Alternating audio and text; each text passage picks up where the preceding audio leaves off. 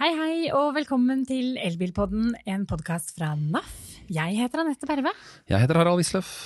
Du Harald, for ett års tid siden så kunne vi lese at eh, Mercedes ikke hadde ambisjoner om å legge ned utviklingen av verken bensin- eller dieselmotoren, og at dieselmotoren langt var langt fra død. Men nå, ett år eh, senere, så har pipa fått en annen lyd, og vi leser at Daimler varsler at selskapet konsentrerer seg om elektriske drivlinjer og batterier. Og vi har da invitert inn norgessjef eh, Mer i Mercedes-Benz til oss i studio. Kjetil Myhre, velkommen. Hjertelig takk for det. Ja. Hvorfor dette toneskiftet? Hva har skjedd? Du, er, du har helt rett, det skjer mye, eh, og det skjer fort. Eh, samtidig så er det nok litt mer balansert enn eh, det man kan få inntrykk av eh, gjennom media. Og den saken du henviser til, Anette, det jo, var et intervju med forskning- og utviklingssjefen i Daimler, som ble gjort av Automotoren Sport. Og der ble det sagt at man, eller ble det referert til at man ikke skulle da satse på utvikling av bensin og diesel. Det man har sagt, er at man legger vesentlig mer ressurser inn i elektrifisering, altså utvikling av, av plug-in hybrid og elbil, og at man ikke har tatt en endelig beslutning på eh, hvor hardt og hvor mye eh, man skal satse på forbrenningsmotoren framover. Og så skal vi huske på at Daimler akkurat har rullet ut en helt ny generasjon av bensin- og dieselmotorer som uh, kommer på plass i alle modellrekkene våre i, i, disse dager. Så det er greit å ha med seg litt som et uh, bakteppe. Så det er litt mer nyansert enn det. Det var litt mer overskrifter enn sannhet her, altså? Ja, det, det er, man skal gjerne ha en overskrift og en ingress. ja, ikke sant? Men samtidig så er det jo det forbrukerne sitter hjemme og leser. Eh, så den ene dagen så er ikke dieselmotoren død, og den neste dagen så skrotes den. Mm. Hvordan skal man vite hva som egentlig er fremtiden? Ja, det, er, det, er, viktig å påpeke at den skal definitivt ikke skrotes. Og hvis du ser på hele verdens eh, bilproduksjon og, og de forskjellige verdensdelene og forskjellige landene, så har effektive eh, forbrenningsmotorer fremdeles sin veldig viktige plass i den transformasjonen som gjelder, og de klimamålene som skal oppnås. Eh, og så er det klart at en stor satsing på ladbart, det eh, kreves også for at man skal nå disse klimamålene som er satt. Men det vil variere i stor grad fra land til land hvor, eh, hvor fort elektrifiseringen kommer. Mm. Så er jo ikke Mercedes helt uten erfaring på elbil. Um, I 2015 så kom B Electric, og hva slags bil var egentlig det? Dette, denne kan jo ikke hurtiglade, men den har bra størrelse. Hva, hva, tenkte man da med B Electric? Det man ønsket var jo, det er en sånn liten kuriositet, er jo at eh, Daimler hadde faktisk elbil allerede i 1906. Ja, ja, ja. vi skal tilbake dit, ja. vi, vi, vi, kan gå til 2015. Ja, ja, uh, og det er riktig. da Man ønsket jo å komme inn på elbilmarkedet for å lære om eh, kundene, lære om atferd. Og da var eh, eh, B-klassen en bil eh, i et format, altså en kompaktbil, men allikevel med bra plass. Så man fant ut at det var en fornuftig måte å gjøre det på. Men i ganske liten skala. Mm. Men det var for å komme inn og, og komme i direkte kontakt med, med, det markedet og de kundene. Og ikke bare jobbe i, med fokusgrupper og, og, den type ting, men være faktisk i felt. Og så sies det at det er Tesla-deler om bord i B Electric. Hva, hva er egentlig sannheten her? Ja, Det er riktig at det er faktisk eh, et samarbeid med, med Tesla der, hvor de leverer eh, komponenter til B-Electric. Uh, og det er jo også fordi, som jeg sa, så ønsker man å komme rang, raskt på plass. Raskt ut i markedet. Og da fant man en, en partner i Tesla som løste det på en god måte, slik at man kom inn og fikk begynne å lære. Og denne bilen er ganske populær i Norge. Det er jo en, en god del av dem, og den uh, har god plass. Ja. Det finnes til og med som taxi, har jeg sett. Ja, da, det er riktig det. Ja.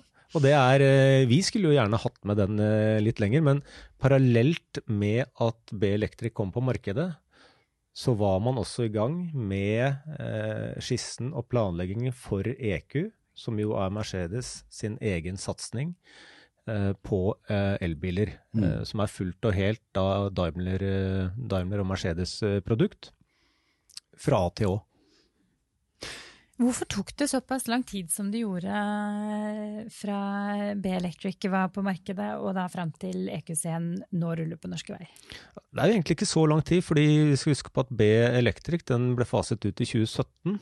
Eh, nå sitter vi her i 2019 og har jo lansert EQC. Eh, e så det er jo Ja, alt er relativt. Eh, et års tid, halvannet år, er vel ikke sånn overveldende, overveldende lenge. Men den satsingen man gjør eh, på EQ, den er, eh, den er eh, sitter man bak rattet på selv. Og det er klart, alle ressurser ble da puttet inn i EQ-prosjektet.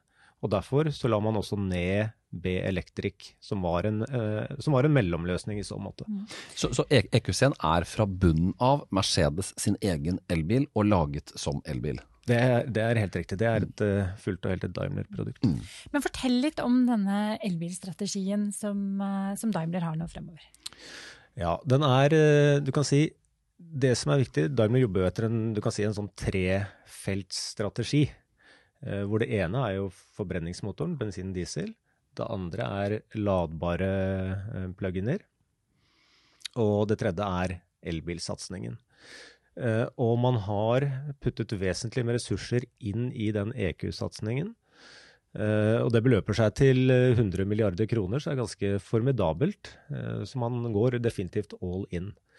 Og da er målet at man skal ha ti helelektriske modeller på plass innen utgangen av 2022. Det er ikke lenge til? Nei, det er ikke lenge til det heller. Så det kommer til å skje ganske mye spennende framover. Det jobbes i Tyskland? Ja, det jobbes i Tyskland. Det kan jeg, det kan jeg love deg. Hva slags, hva slags, modeller kommer dette til å bli? Nå har vi EQC-en, som, som, er vel en GLC elektrisk ekvivalent da, på en måte, sånn i størrelse og, og bruk. Hva, hva, annet kommer vi til å se i, i denne elektriske serien? Det er klart, Man, man går først inn eh, Årsak til at man kommer med EQC først, og i det segmentet, er jo fordi at mellomstor SUV er, eh, er, eh, er et, av, et, av de største segmentene som er. Ja. Ikke bare i Norge, men worldwide. Så det, det, er logisk sånn sett. Og så kommer man til å etter hvert nå å være til stede i alle segmenter, fra kompakt, som betyr A-klasse, eller golfsegmentet som en del mm. kaller det og oppover eh, helt opp til storbil. Og enda større SUV og enda mindre SUV. Mm. Så det kommer, eh, kommer, veldig attraktive modeller for eh, ja, også det norske markedet, rent elektriske. Men som du sier, den, eller som Harald sa, den, den bærer litt preg av EQC, den bærer litt preg av å ligne på en, en GLC. Vi har vært ute og kjørt den nå den siste, den siste uka. Og det er jo en, absolutt en nydelig elbil å kjøre. Vi må vel være såpass ærlige med Mercedes ja. her at du var euforisk ja. etter en kjøretur med, med, med EQC-en. Jeg, jeg syns det var veldig gøy å kunne bruke stemmestyringen og sette på både eh, massasjer og prøve å finne ladestasjoner. og Jeg hadde det veldig gøy. Men det bærer jo fortsatt preg av å være litt tradisjonell.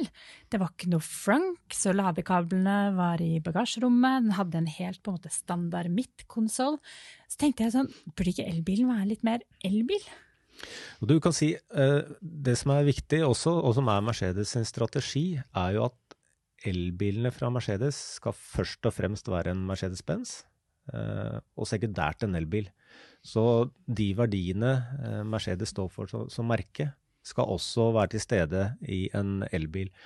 Og nå i starten med EQC så bygger man den på en eh, kjent plattform som er GLC, som betyr at du har eh, en velutviklet plattform i bånn, som sikrer deg bra kvalitet, som gjør eh, produksjonen skalerbar. Og, og, så skal man huske på at EQC-en er faktisk 80 eh, differensiert, eller ny, sammenligner du med en GLC. Så det er vesentlig forskjell der også, selv om plattformen er den samme. Det er riktig. Så 20% er på en måte en, en plattform som, som, eh, Daimler har fra før, og som ja. kan bygges i flere varianter. Ja. Men 80% er da ren el, altså kun en ja. EQC, ikke sant? Ja, og Hvis man setter seg litt inn i produsentenes uh, situasjon, så er det jo det er veldig vanskelig å forutse hvor fort utviklingen kommer til å gå i de forskjellige land. Mm. Så det å kunne ha en skalerbar produksjon i starten, slik at man også har best mulig lønnsomhet i dette her, er ganske viktig. Og, og da er det å, å, basere det på en eksisterende plattform og en produksjonslinje som man kan veksle fra det ene til det andre, ganske viktig. Mm. Eh, og det er klart for at en produsent skal kunne satse for fullt også framover, så må det være økonomi i det. Og, og det er noe av utfordringen med elbilene eh, per i dag, at volumet er såpass lavt totalt sett. At det er eh, Vi må få opp Det må bli større skala for at det skal bli litt mer lønnsomt. Mm jeg har jo eh, vi hadde, vi hadde, Porsche her i studio, og som Anette sa, jeg har en sånn lei tendens til å se disse bilene før de er lansert i Norge. Jeg så Porsche Taycan i august, og jeg så også EQC-en tidligere i år på vinterføre. På vei til en skitur. Og den har vært i Norge, EQC-en, og det var en verdenslansering i Norge. Fortell om det. Ja, det er riktig. Den har vært her et par ganger sånn undercover. Ja, jeg så det. det var my mye teip og greier. ja, ja.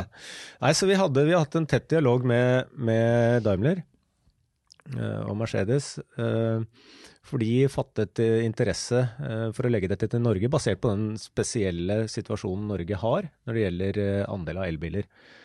Og det er klart det å få både journalister eh, og internt apparat opp til Norge og oppleve dette her, i, se hvordan det er i praksis Tallene kjenner de jo, statistikken har de sett. Men det å kjøre rundt på veiene, se faktisk eh, det store volumet av elbiler eh, som finnes, og ladenettverk, infrastruktur, som er såpass kommet så langt som det, som det har gjort. Du kan si når folk fra fra Mercedes har vært og kjørt rundt for å ha en sånn location check i forkant av dette, mm. denne internasjonale presselanseringen. Så ser man jo også hurtigladere eh, ganske langt utafor bykjernen, som nesten er litt sånn wow. Ja, for vi hadde statssekretær Sveinung Rotevatn var her, og han sa hvis man nå skulle ha et land i verden hvor man skulle forsøke seg å innføre elbil, så er liksom Norge et av de siste landene du ville valgt. Både med hensyn til topografi og klima og alt mulig sånt noe. Hva sier tyskerne når de kommer hit? Hva sier disse med hvite frakker og, og tysk pertentlighet når de kommer til dette landet her, og det flommer over av både snø og elbiler? Jo, man blir jo fascinert av det. For det, man er jo klar over at, øh, og, og gjerne øh, hvis du kommer litt lenger i sør i Europa, det skal ikke lenger enn da til Tyskland, som det sier, så har man jo en oppfatning også at Norge det er enda mer snø og enda kaldere enn det faktisk er i tillegg. Men det er jo et faktum at vi er jo et, definitivt et vinterland. Eh, og har en del utfordringer. Men det, det, beviser jo også hva som er mulig med politisk villighet. Og hvis man har økonomi til å kunne eh, endre eh, kjøpemønster hos forbrukeren. Og det er det som også har skjedd i Norge. ikke sant? For det er i, I, andre land så er jo elbilen vesentlig dyrere sammenlignet med en konvensjonell forbrenningsmotor. Mm. Mens i Norge så er jo elbilene fritatt for både moms og, og, ikke er det avgifter på det. Og det gjør at det da er økonomisk vesentlig enklere tilgjengelig for folk. Mm. Men på et eller annet tidspunkt så, så kom denne subsidieringen kommer jo ikke til å vedvare. Eh, på et eller annet tidspunkt så skal elbilen stå på egne bein, eh, og mest sannsynligvis så kan vi begynne å se kanskje konturene av det allerede i 2021. Når spesielt elbilmomsen eh, skal kanskje introduseres på en eller annen måte. Mm. Men når er det elbilen kommer til å være konkurransedyktig på egne ben uten noen økonomiske insentiver og støtteordninger? Jeg tror det som er viktig å se, jo, Vi ser jo hvor langt det er kommet i dag, og vi ser produktene eh, begynner å komme på plass. Det er på en måte eh, den, En av de aller viktigste faktorene er jo, at, er jo at bilen og elbilen tilfredsstiller de behovene folk har generelt for å kunne være bil nummer én.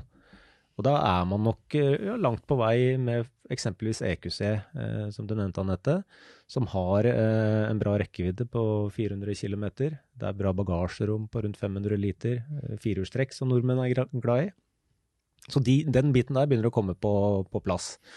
Eh, og så må det også skaleres opp, altså produksjonen, totalvolumet, eh, hos produsentene må opp for at de skal kunne bli økonomisk forsvarlig. Det er også en, en del av det. Eh, som er minst like viktig. Og eksempelvis eh, Bloomberg har vel uttalt at de ser for seg at elbilen vil kunne være prismessig konkurransedyktig rundt 2025.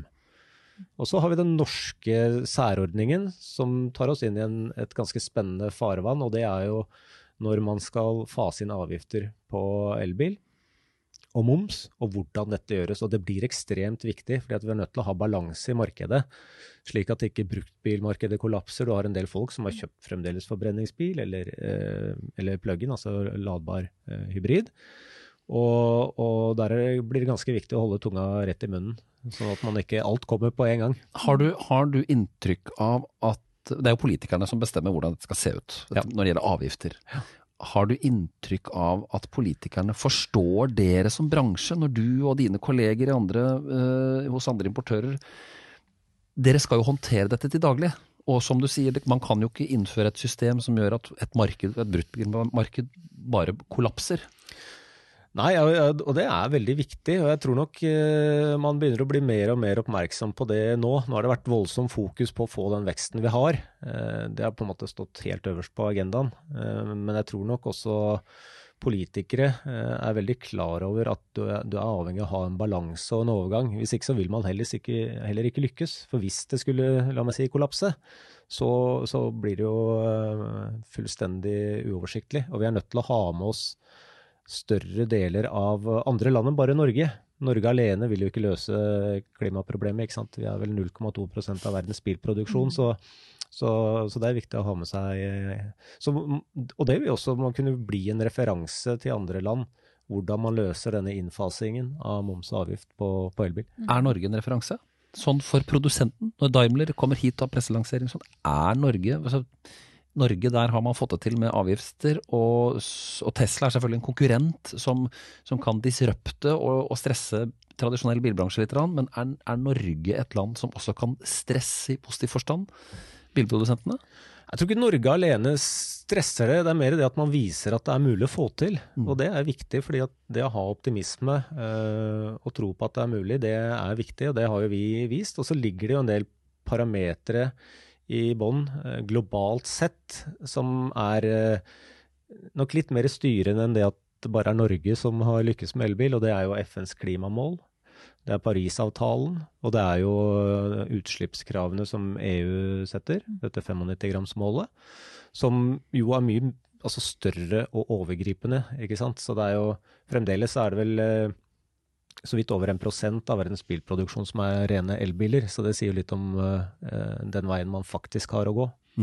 For dette, dette 95-gramsmålet det er jo kanskje noe som ikke er så kjent for alle. Og dette er jo rett og slett et, et utslipps... eh, Et krav til, eh, til samlet utslipp fra flåten som EU eh, har satt, Ja. som er gjeldende fra neste år. Ja. Og slik vi forstår det, noe av det grunnen til at uh, altså elbilen er noe av det som gjør at man kanskje klarer å nå de uh, utslippskravene som EU nå innfører. Elbilen spiller en veldig viktig rolle der, uh, men også den ladbare plug altså plug-in-hybriden får en veldig viktig rolle. For i en del andre land som da ikke har den infrastrukturen vi har, og hvor elbilen alene er en god del dyrere enn det det er her hjemme, så er det klart at en ladbar hybrid er et veldig veldig godt alternativ. Eh, Og nå ser vi jo at det kommer, den generasjonen som kommer nå, begynner å få ganske bra elektrisk rekkevidde eh, med fra med sju til ti mil, eksempelvis. Så det er klart det er også et eh, veldig viktig produkt i den transformasjonen mot nullutslippsbilen, hvis du tenker globalt sett. Mm.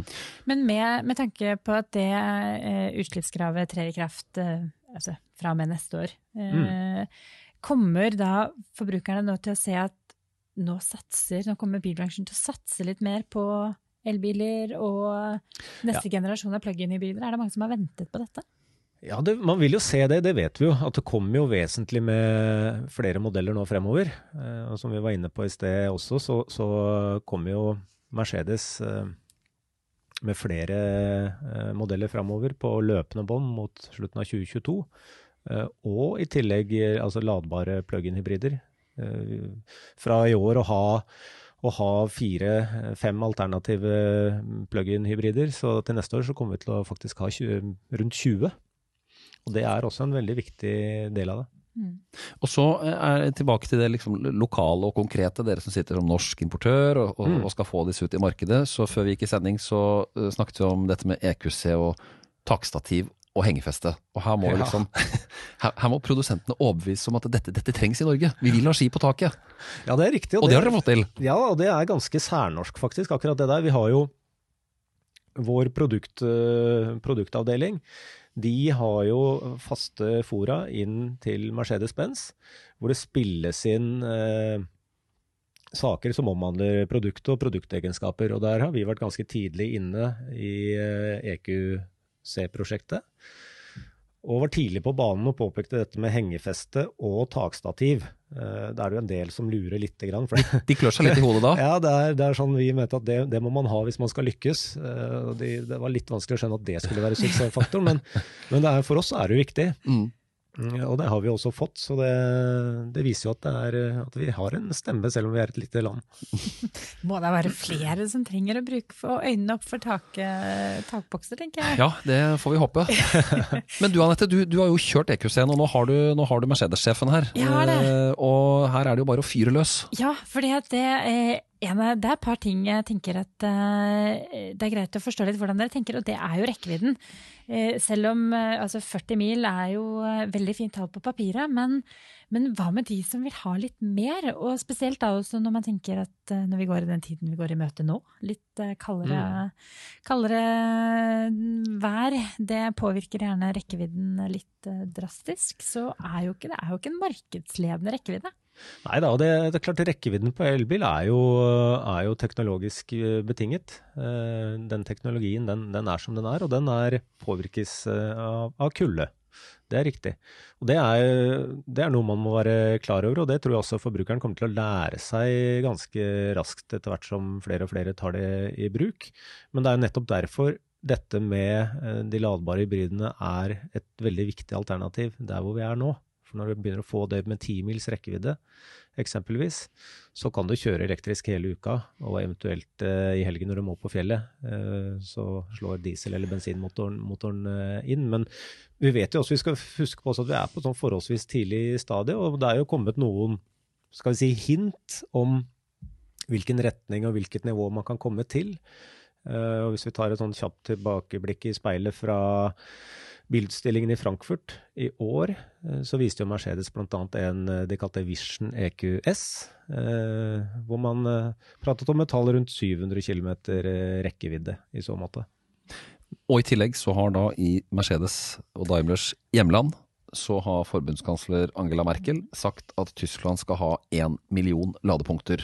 Og eh, det, det, passer jo godt med en EQC-lansering, for å si det sånn, annet enn i Norge. ja, jo, det, men det er viktig her hjemme også på nettanettet. Altså dette med rekkevidden og der man er i dag, så vet man jo også at et av de viktigste områdene som også må, må utvikles videre, er jo nettopp hurtigladenettverket. For det er faktisk eh, på grensen der vi er i dag. Så når, hvis dette skal akselerere videre, og alle skal bruke elbilen sin også i helgene osv., så, videre, så så er vi avhengig av å få opp eh, farten på den delen av det.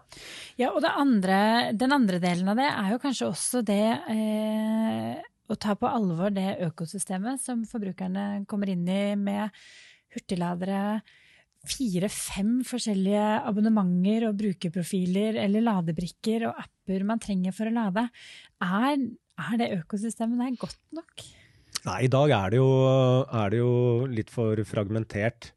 Men det tror jeg også man vil Jeg tror man vil finne løsning på det ganske raskt. Det er nok ikke det mest kompliserte, så det er, det er overbevist om at man vil, at man vil fikse, slik at du har uh, enten felles uh, apper eller at uh, mobilbetalingen også er såpass enkel og fungerer Litt etter Tesla-modellen. smertefritt. Ja. Sånn, og som gjelder på kryss og tvers, om du har Tesla eller om du har en Mercedes eller mm.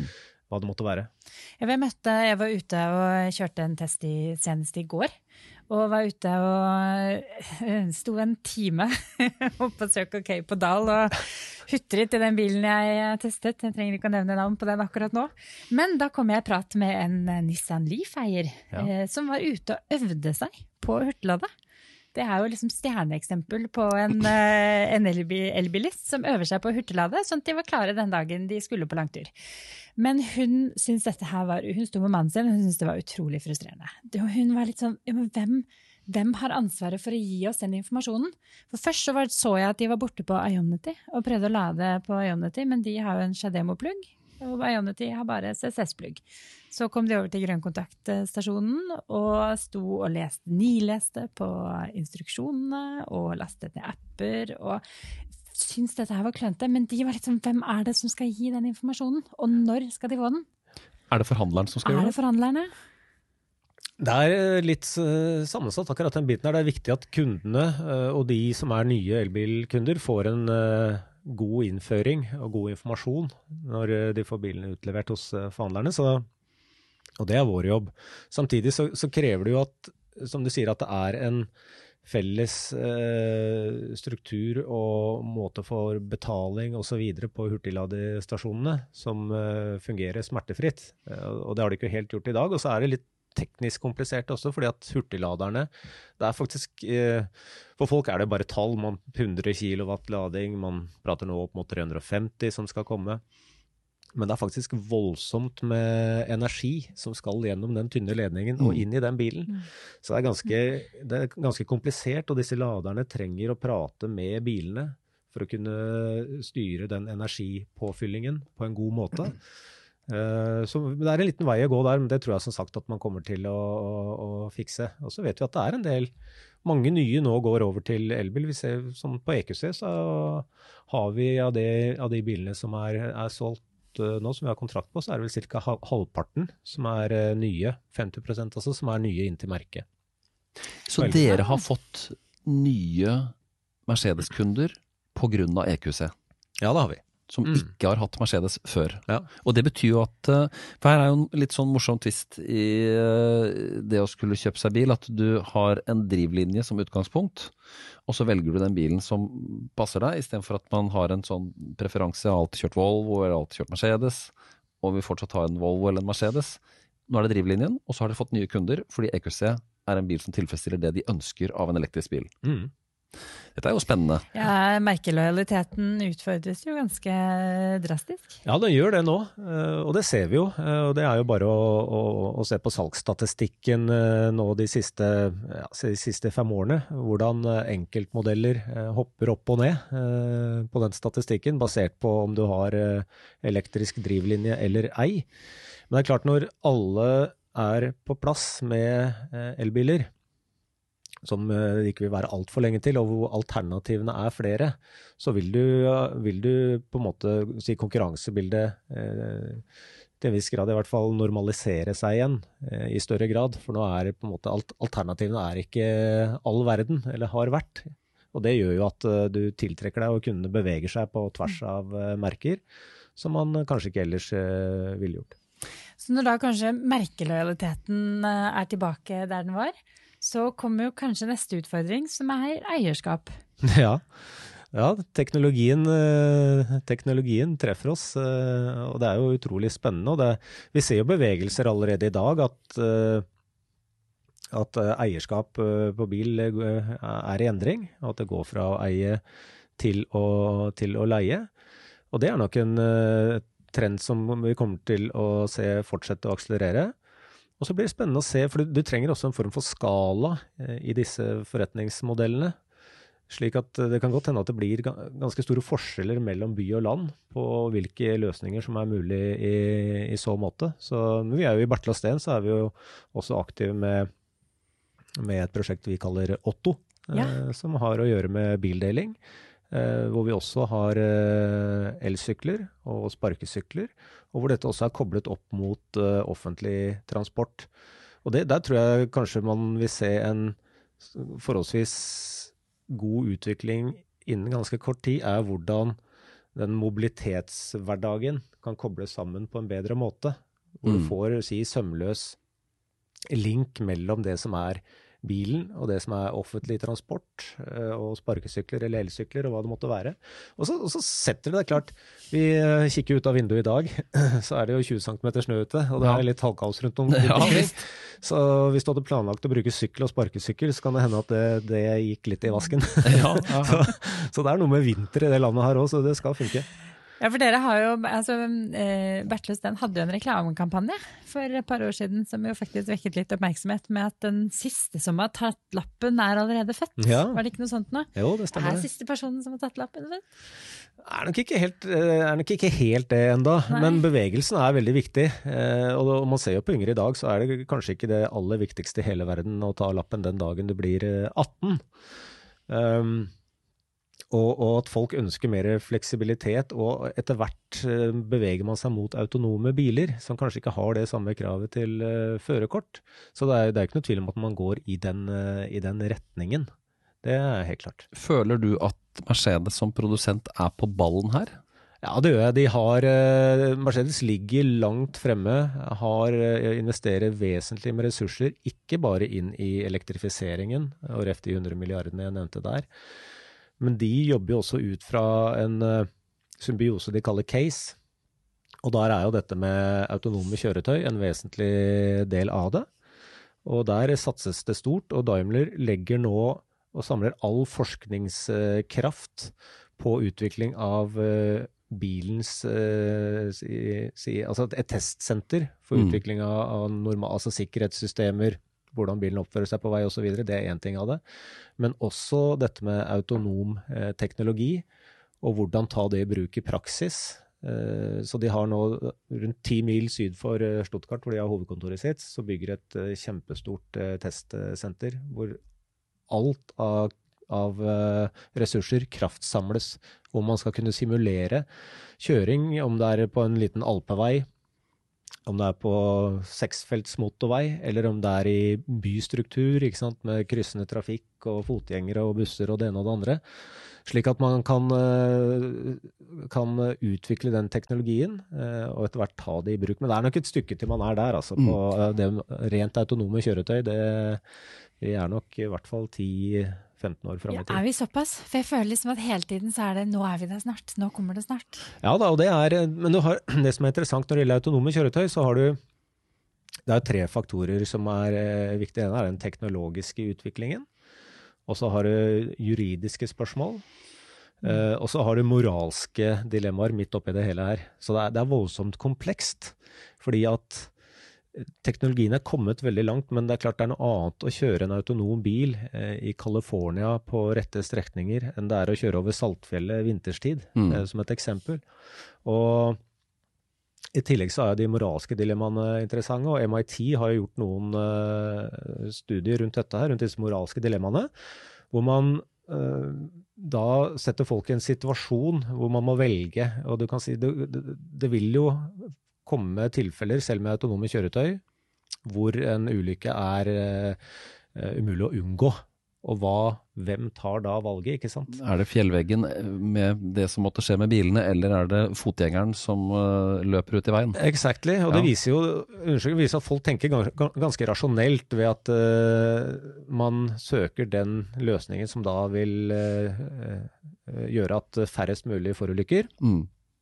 Men det er også en tendens til at at uh, på en måte sjåføren og bilen blir den skadelidende. Og er, du kan jo tenke deg selv, hvis du etter hvert har en, et, et, kjøretøy som har en tendens til at den vil sannsynligvis velge deg som sitter inni hvis det oppstår en situasjon.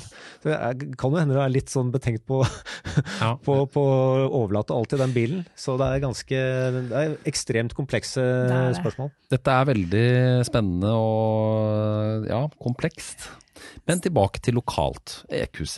Ja. I Norge eh, klarer dere å, å, levere. Og vi vet jo at eh, å levere elbiler er, eh, har vært akilleshælen her for veldig mange. Mm. Klarer dere å levere? Ja, vi gjør det. Nå har vi EQC har jo gått etter planen. Og den skulle bli lansert 26.9, og det ble den. Og så har vi sagt at vi kommer også til å levere ut noen få biler i år, eh, men det er i hovedsak fra neste år volumet kommer. Så det, det, går etter det som har vært eh, planen hele veien der. Mm. Ja. Og så vet vi, eh, i og med at vi var på det snøværet og, mm. og dårlig vær her, at den ikoniske bilen fra 1979 ja. hvor blinklyset fortsatt ser likt ut på dagens modell, G-vagen, gelendevagen. Ja. Ja. Også som elektrisk utgave. Ja, og det sier jo litt uh, om uh, at uh, dette er ikke bare en, en liten bygeskjeft med elektrifiseringen. det skal gjelde over hele linjen, og ikke bare det som er si, Kall det masseproduksjonen av det, men også det som er de mer unike og spesielle modellene. og Mercedes har jo også et subbrand de kaller AMG, som er det high performance-bilene. Mm som er det noen kjenner som muskelbiler. med, med svære motorer og mye hestekrefter. Mm. Eh, Der vil man også se eh, en vesentlig elektrifisering, så dette treffer definitivt over hele produktlinjen.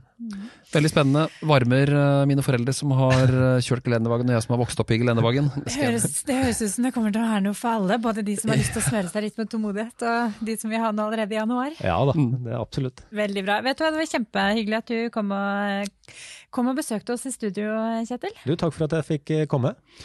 Og så må du huske at du kan abonnere på Elbilpodden på Spotify, iTunes og Soundcloud eller Viksmest podkast-app. Du bare søker opp Elbilpodden, og for å lese mer om elbil, så går du inn på naf.no skråstrek elbil. Har du spørsmål, så kan du sende det til elbil, krøllalfa, naf.no. Og så kan du følge oss på Facebook, der er NAF Elbil, og på Instagram. Og det Fortsatt var ikke Snapchat. Nei, det er for, det, var- men det alle kanalene så langt. Og så ses og høres vi igjen om eh, 14 dager. Det gjør vi. Det gjør Ha det bra. Ha det. Takk for i dag.